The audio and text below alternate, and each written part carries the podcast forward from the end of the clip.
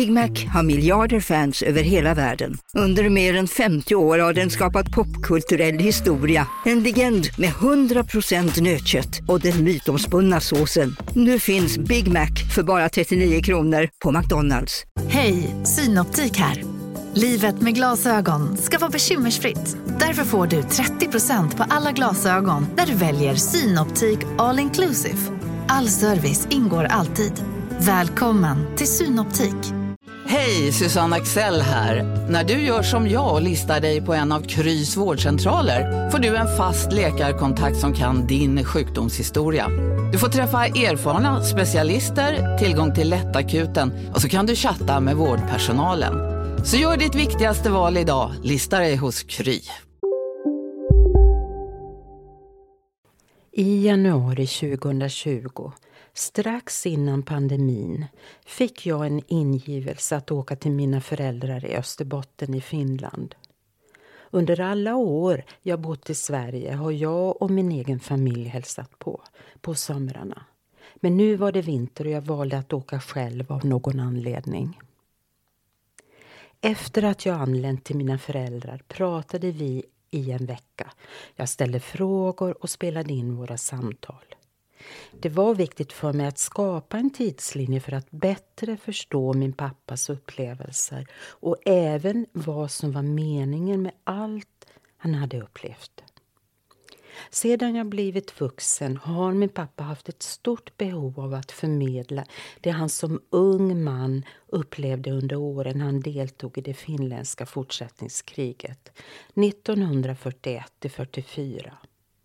Jag hade lyssnat på det han berättat men ofta var det något annat som fångade min uppmärksamhet.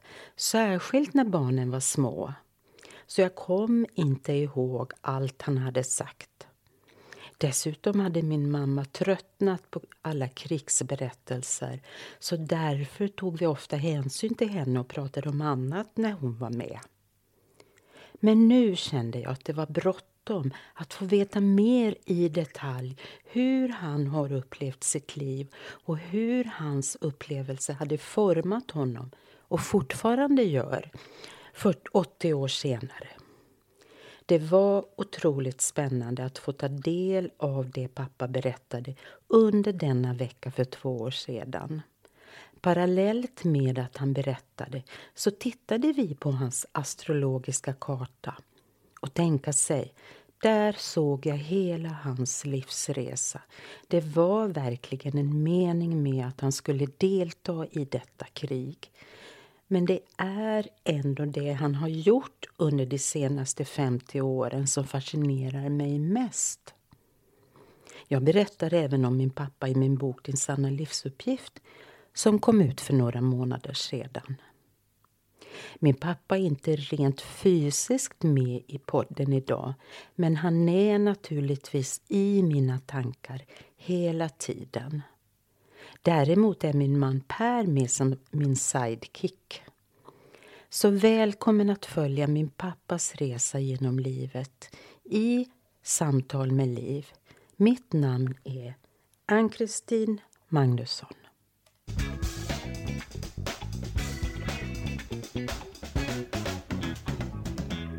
Så välkommen Per.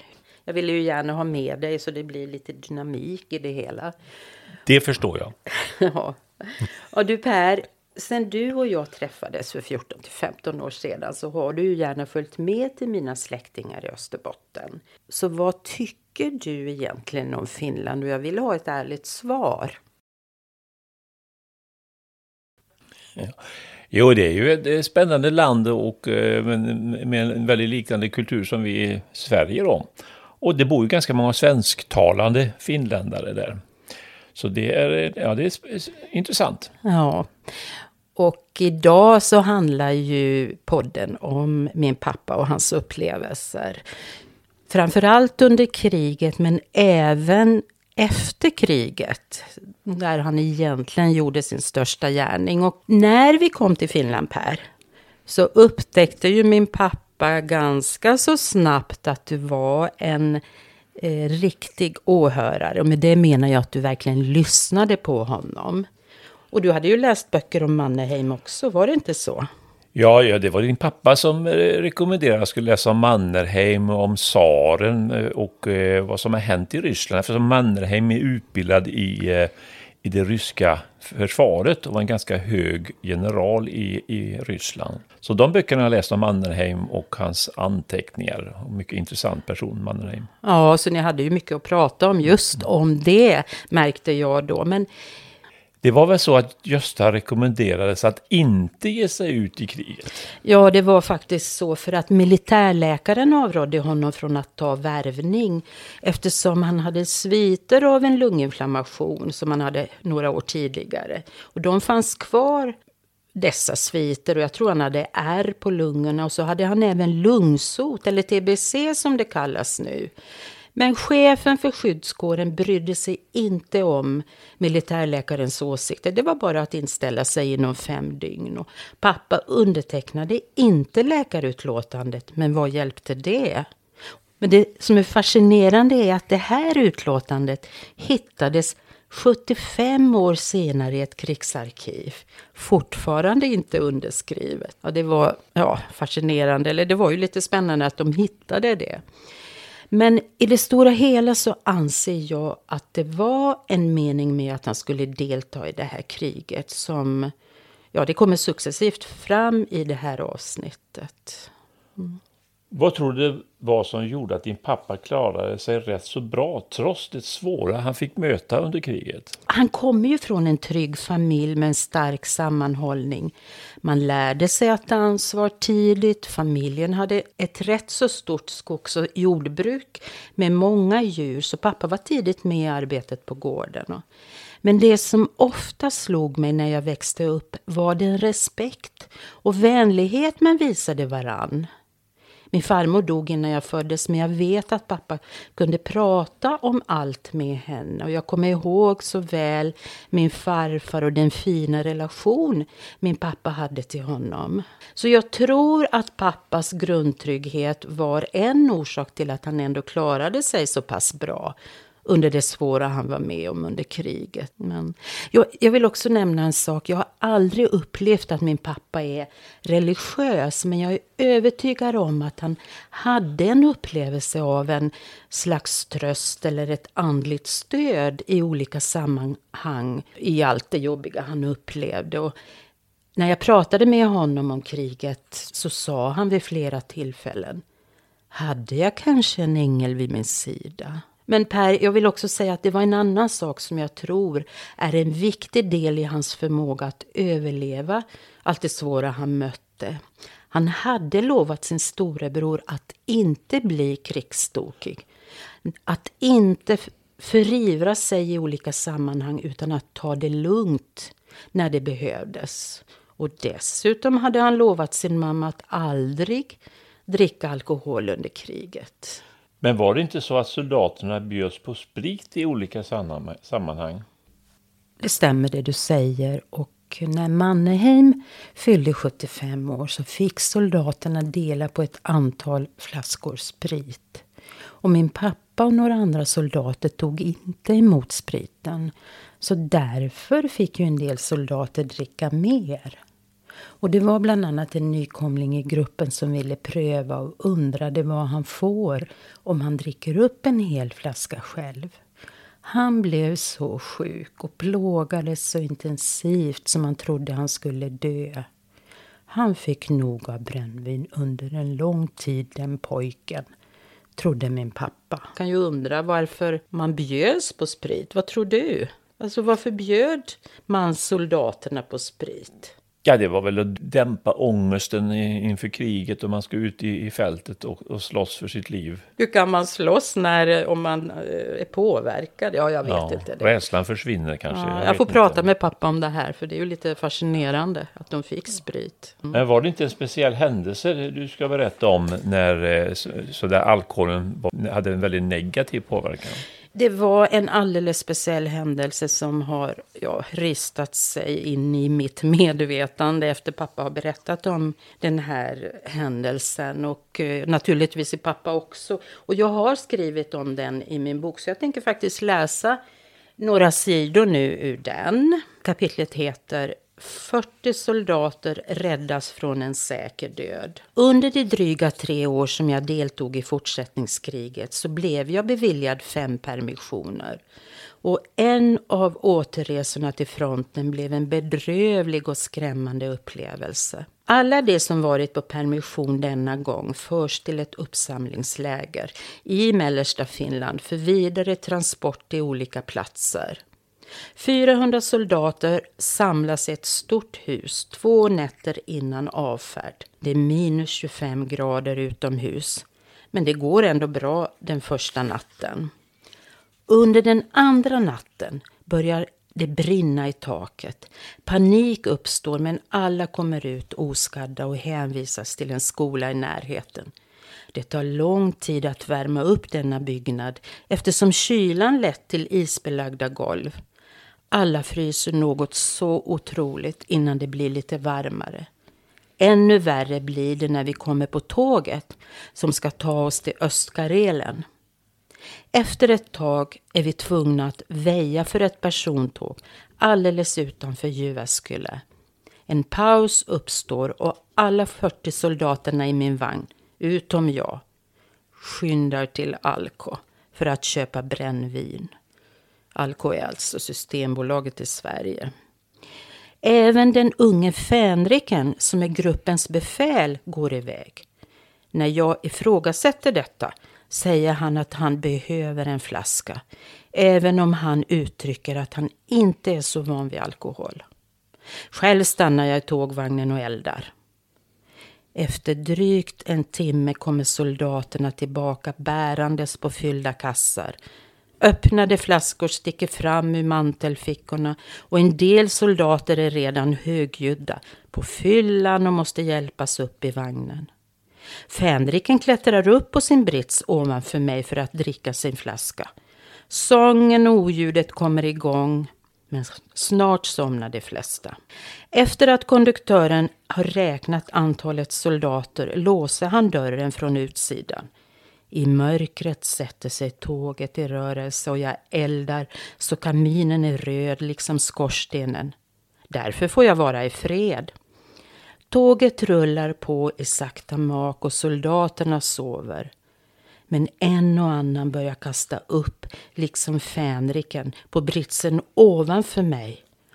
Och jag ser hans ben hänga utanför britskanten och även hans händer som försöker ta tag i den eldröda skorstenen.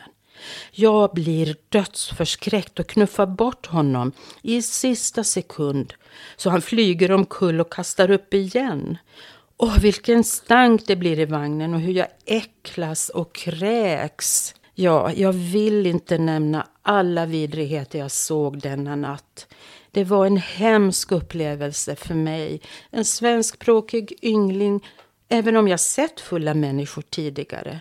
Det kändes även så otroligt förnedrande att se alla dessa utslagna soldater i den finländska armén vars uppgift var att försvara vårt land. Allt kändes tyngre än annars. Det var som ett mörker lade sig över oss. Jag är orolig och tankarna surrar i mitt huvud.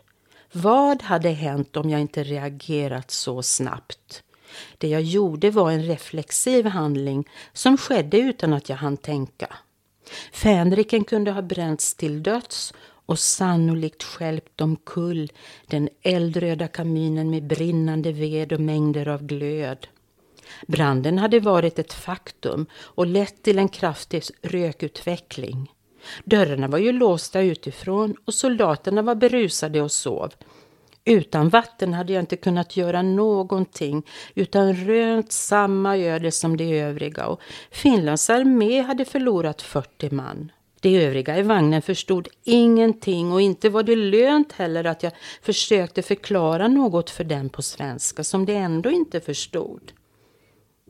Räddningen var mitt ansvar och detta stärkte min övertygelse om att aldrig någonsin dricka brännvin. Efteråt kom reaktionen och frossan och denna händelse var en traumatisk böld inom mig under en lång tid det måste ha varit en väldigt otäck upplevelse för, för för honom att Ja. utsätta sig för detta i en låst järnvägsvagn. Ja, precis. Och jag känner verkligen, jag kan verkligen känna hans känslor nu när jag läser det här. Jag blir nästan gråtfärdig.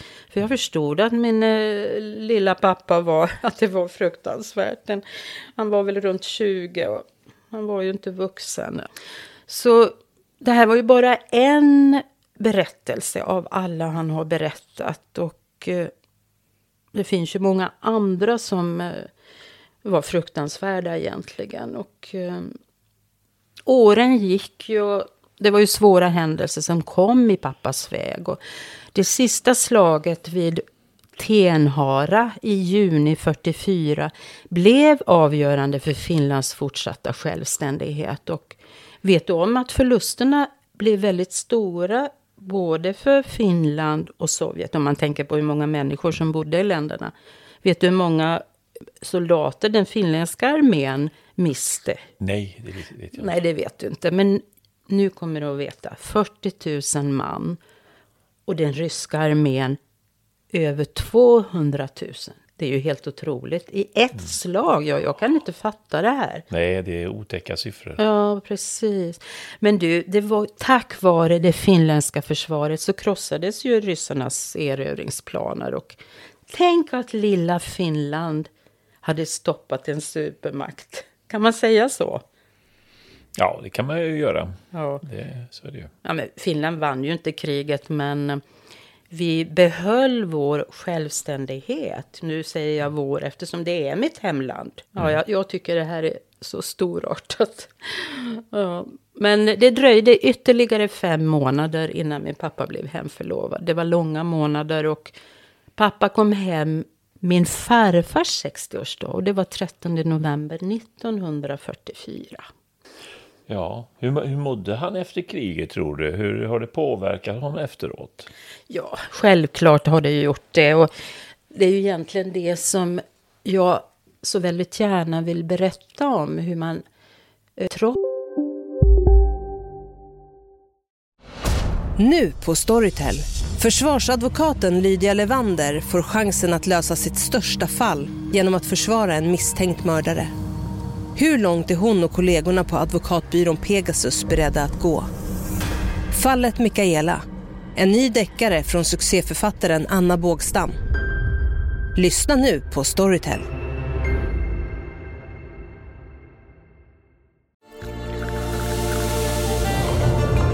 Välkommen till Maccafé på utvalda McDonalds restauranger med Baristakaffe till rimligt pris. Vad sägs om en latte eller cappuccino för bara 35 kronor? Alltid gjorda av våra utbildade baristor.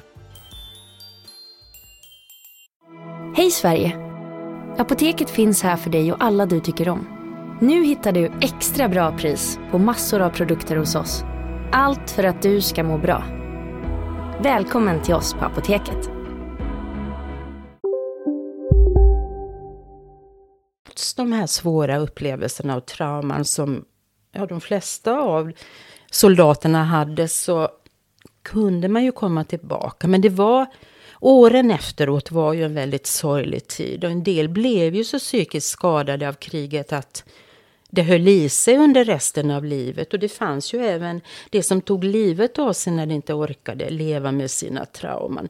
Själv vet jag att min pappa pratade med eh, sin bror om upplevelserna men han pratade inte med sina föräldrar. Det var för smärtsamt att belasta dem med det. Han ville inte att de skulle veta. Sen dog min farmor i en sjukdom inom ett par år efter pappas hemkomst. Och trots att han räknades som vuxen var det ett hårt slag för honom och särskilt för hans pappa, alltså min farfar. Det var väl även så att Sovjet ställde stora krav på Finland efter krigsslutet. Ja, det var det. De var tvungna att betala ett stort krigsskadestånd till Sovjet. Då. Det måste vara tungt för finländarna, finländarna och utvecklade samtidigt sin egen industri under den här tiden. Ja, det var verkligen en enorm bedrift av det finländska folket. Och, ja, det är svårt att förstå, men eh, Hur länge fick man betala det här eh, skadeståndet?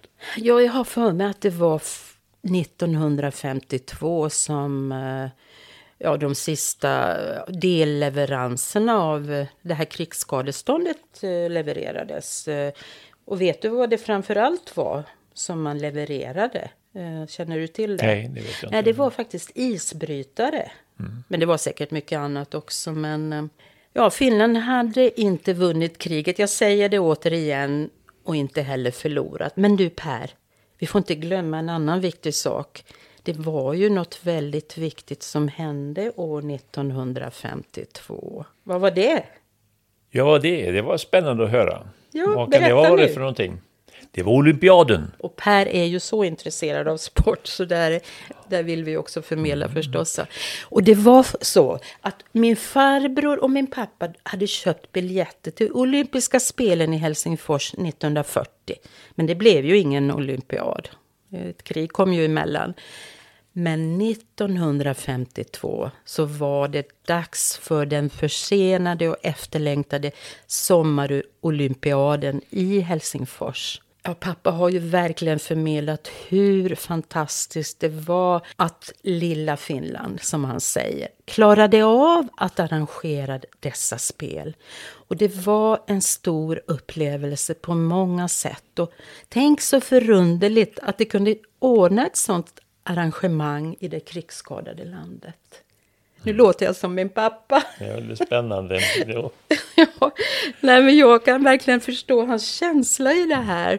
För att han, han deltog i en film som heter I Stalins skugga. Och jag, jag kommer ihåg att en sekvens i den filmen var just från olympiaden. Och man såg den här glädjen i publiken och som pappa uttryckte det var där fick man uppleva svarta ja, människor från olika länder som man kanske aldrig hade sett förr. Och man såg de olika flaggorna som vajade för vinden och man hörde jublet nere i stadion som var överväldigande. Och alla krigsminnen försvann i alla fall för tillfället. Men vet du Per, jag måste berätta en sak för dig som jag var väldigt stolt över när jag växte upp.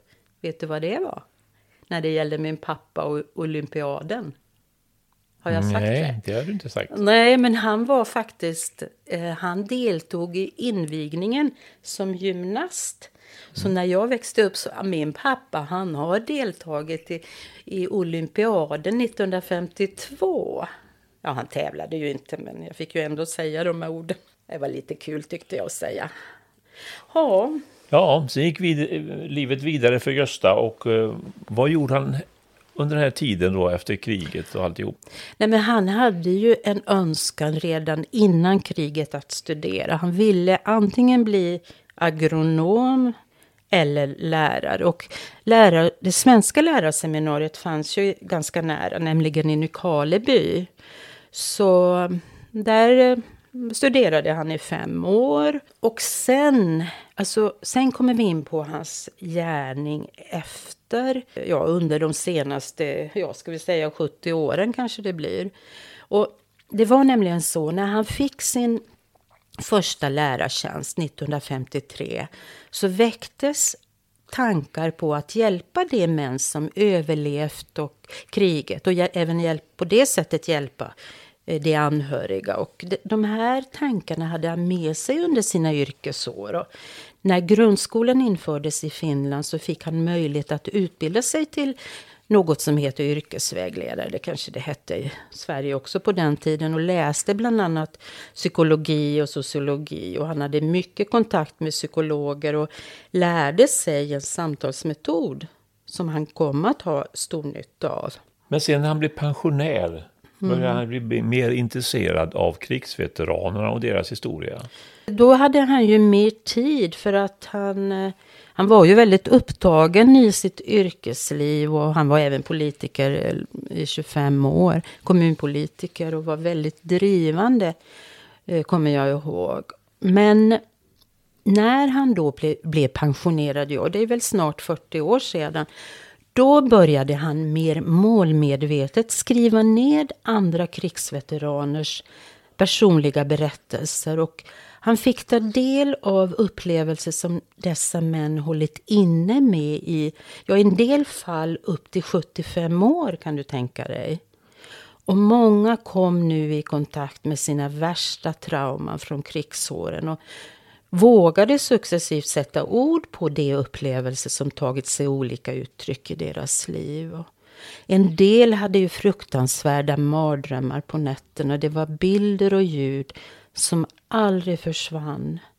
Jag tror inte det går att beskriva hur grymma dessa upplevelser var och hur vanvettigt allting var. Och för pappa ledde ju de här intervjuerna självklart till en egen djupare läkning. Och jag tror att det var så att ehm, ja, det var väldigt svårt ibland även för min pappa. Och särskilt när den intervjuades historia tangerade hans egen. Men då gällde det att ha mod och fråga vidare och möta de svåra känslorna. Jag tror att det var just hans mod som innebar att hans gärning blev så framgångsrik som den blev. Ja, du kanske undrar vad det kunde ha handlat om, men han, han har ju inte berättat om allt naturligtvis. Men det kunde ha varit så att man stod öga mot öga mot en fiende och för att klara sig själv var man tvungen att döda den andra personen. Och att förlösa dessa känslor ledde ju till många följdverkningar. Ja, veteranernas fruar kunde ibland säga när de läst makens berättelse. Varför har du inte berättat detta tidigare? Att förstå maken när han sprang uppe på nätterna ibland alldeles vild på grund av alla känslor och minnen var svårt att förstå innan hans fru fått ta del av hans berättelse. Du pratar ju om din pappas livsuppgift utifrån astrologin. Vad menar du egentligen med detta? Ja, jag har ju naturligtvis tolkat hans astrologiska karta tidigare under åren. Men nu blev det så tydligt att den berättar om hela hans liv. Och jag kunde ju som sagt se hans förmåga till att bidra till andra människors känslomässiga läkning med hjälp av den empati och helande förmåga som jag så tydligt ser i hans stjärnor. Och det här övertygade mig än en gång om att våra liv är förutbestämda. Ja, hur ska man annars kunna förklara detta jag ser? Samtidigt som jag ju också vill tro att vi alltid har ett eget val i varje situation vi möter. Men det är en röd tråd som löper igenom våra liv.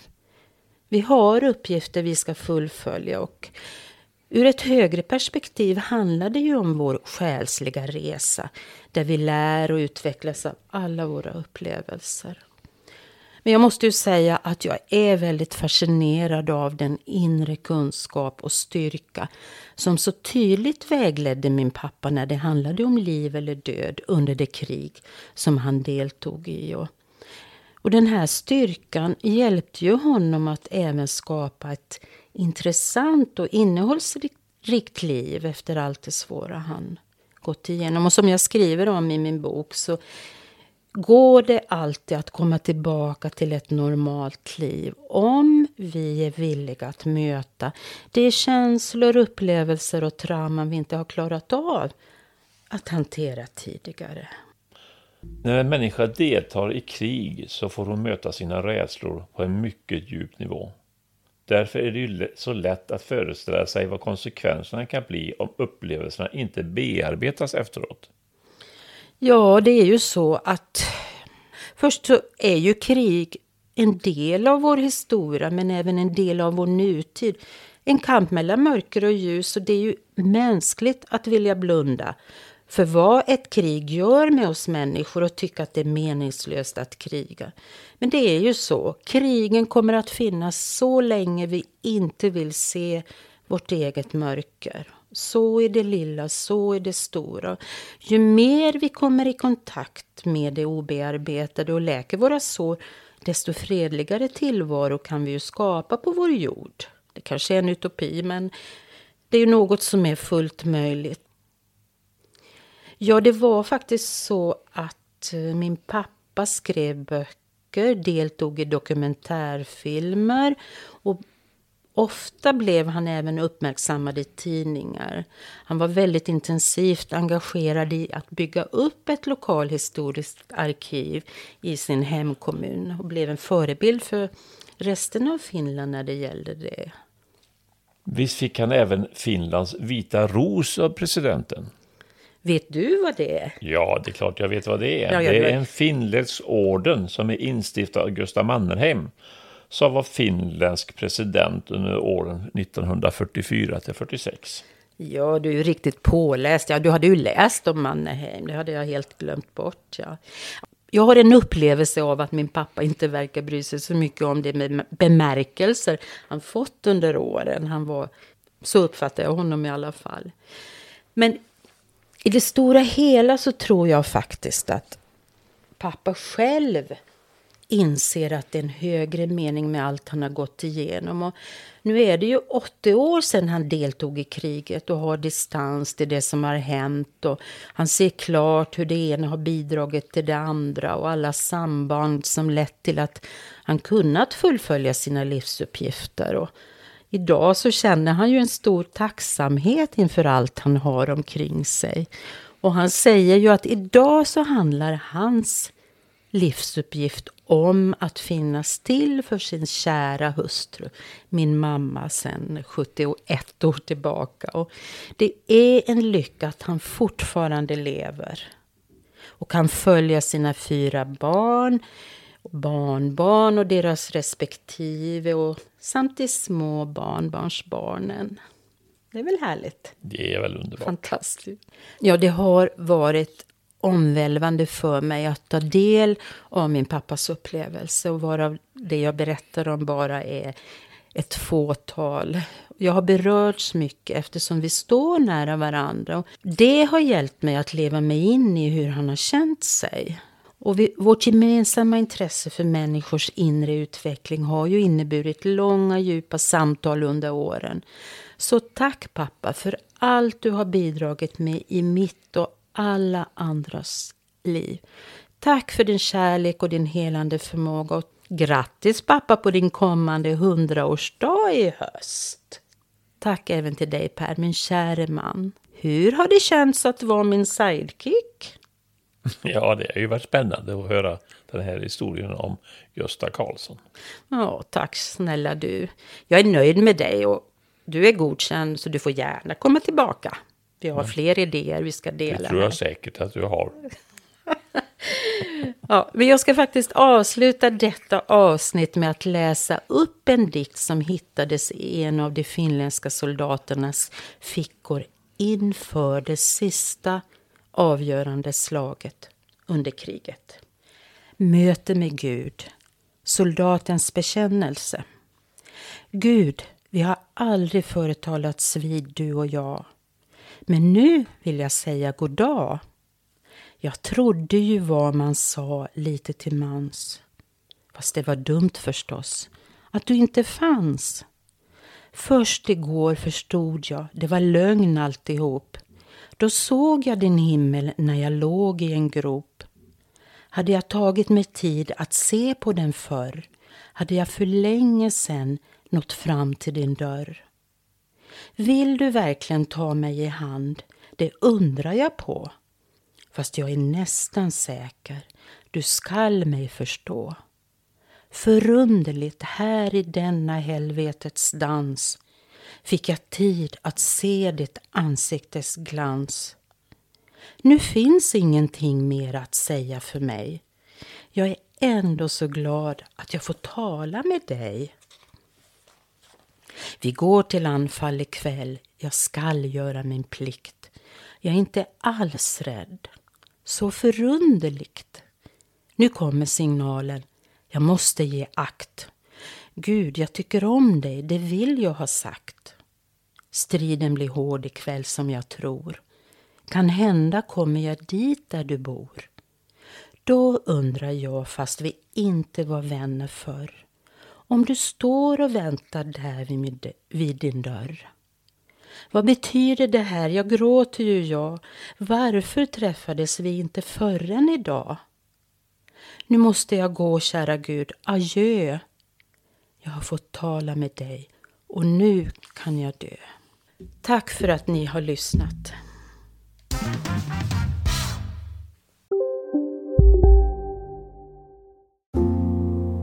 Ska några små tassar flytta in hos dig? Hos Trygg Hansa får din valp eller kattunge 25% rabatt på försäkringen första året. Läs mer och teckna djurförsäkringen på trygghansa.se. Trygg Hansa, trygghet för livet. Som medlem hos Circle K är livet längs vägen extra bra. Just nu får du som ansluter dig 50 öre rabatt per liter på de tre första tankningarna och halva priset på en valfri biltvätt. Och ju mer du tankar, desto bättre rabatter får du. Välkommen till Circle K. Välkommen till Maccafé på utvalda McDonalds restauranger med Baristakaffe till rimligt pris. Vad sägs om en latte eller cappuccino för bara 35 kronor? Alltid gjorda av våra utbildade baristor.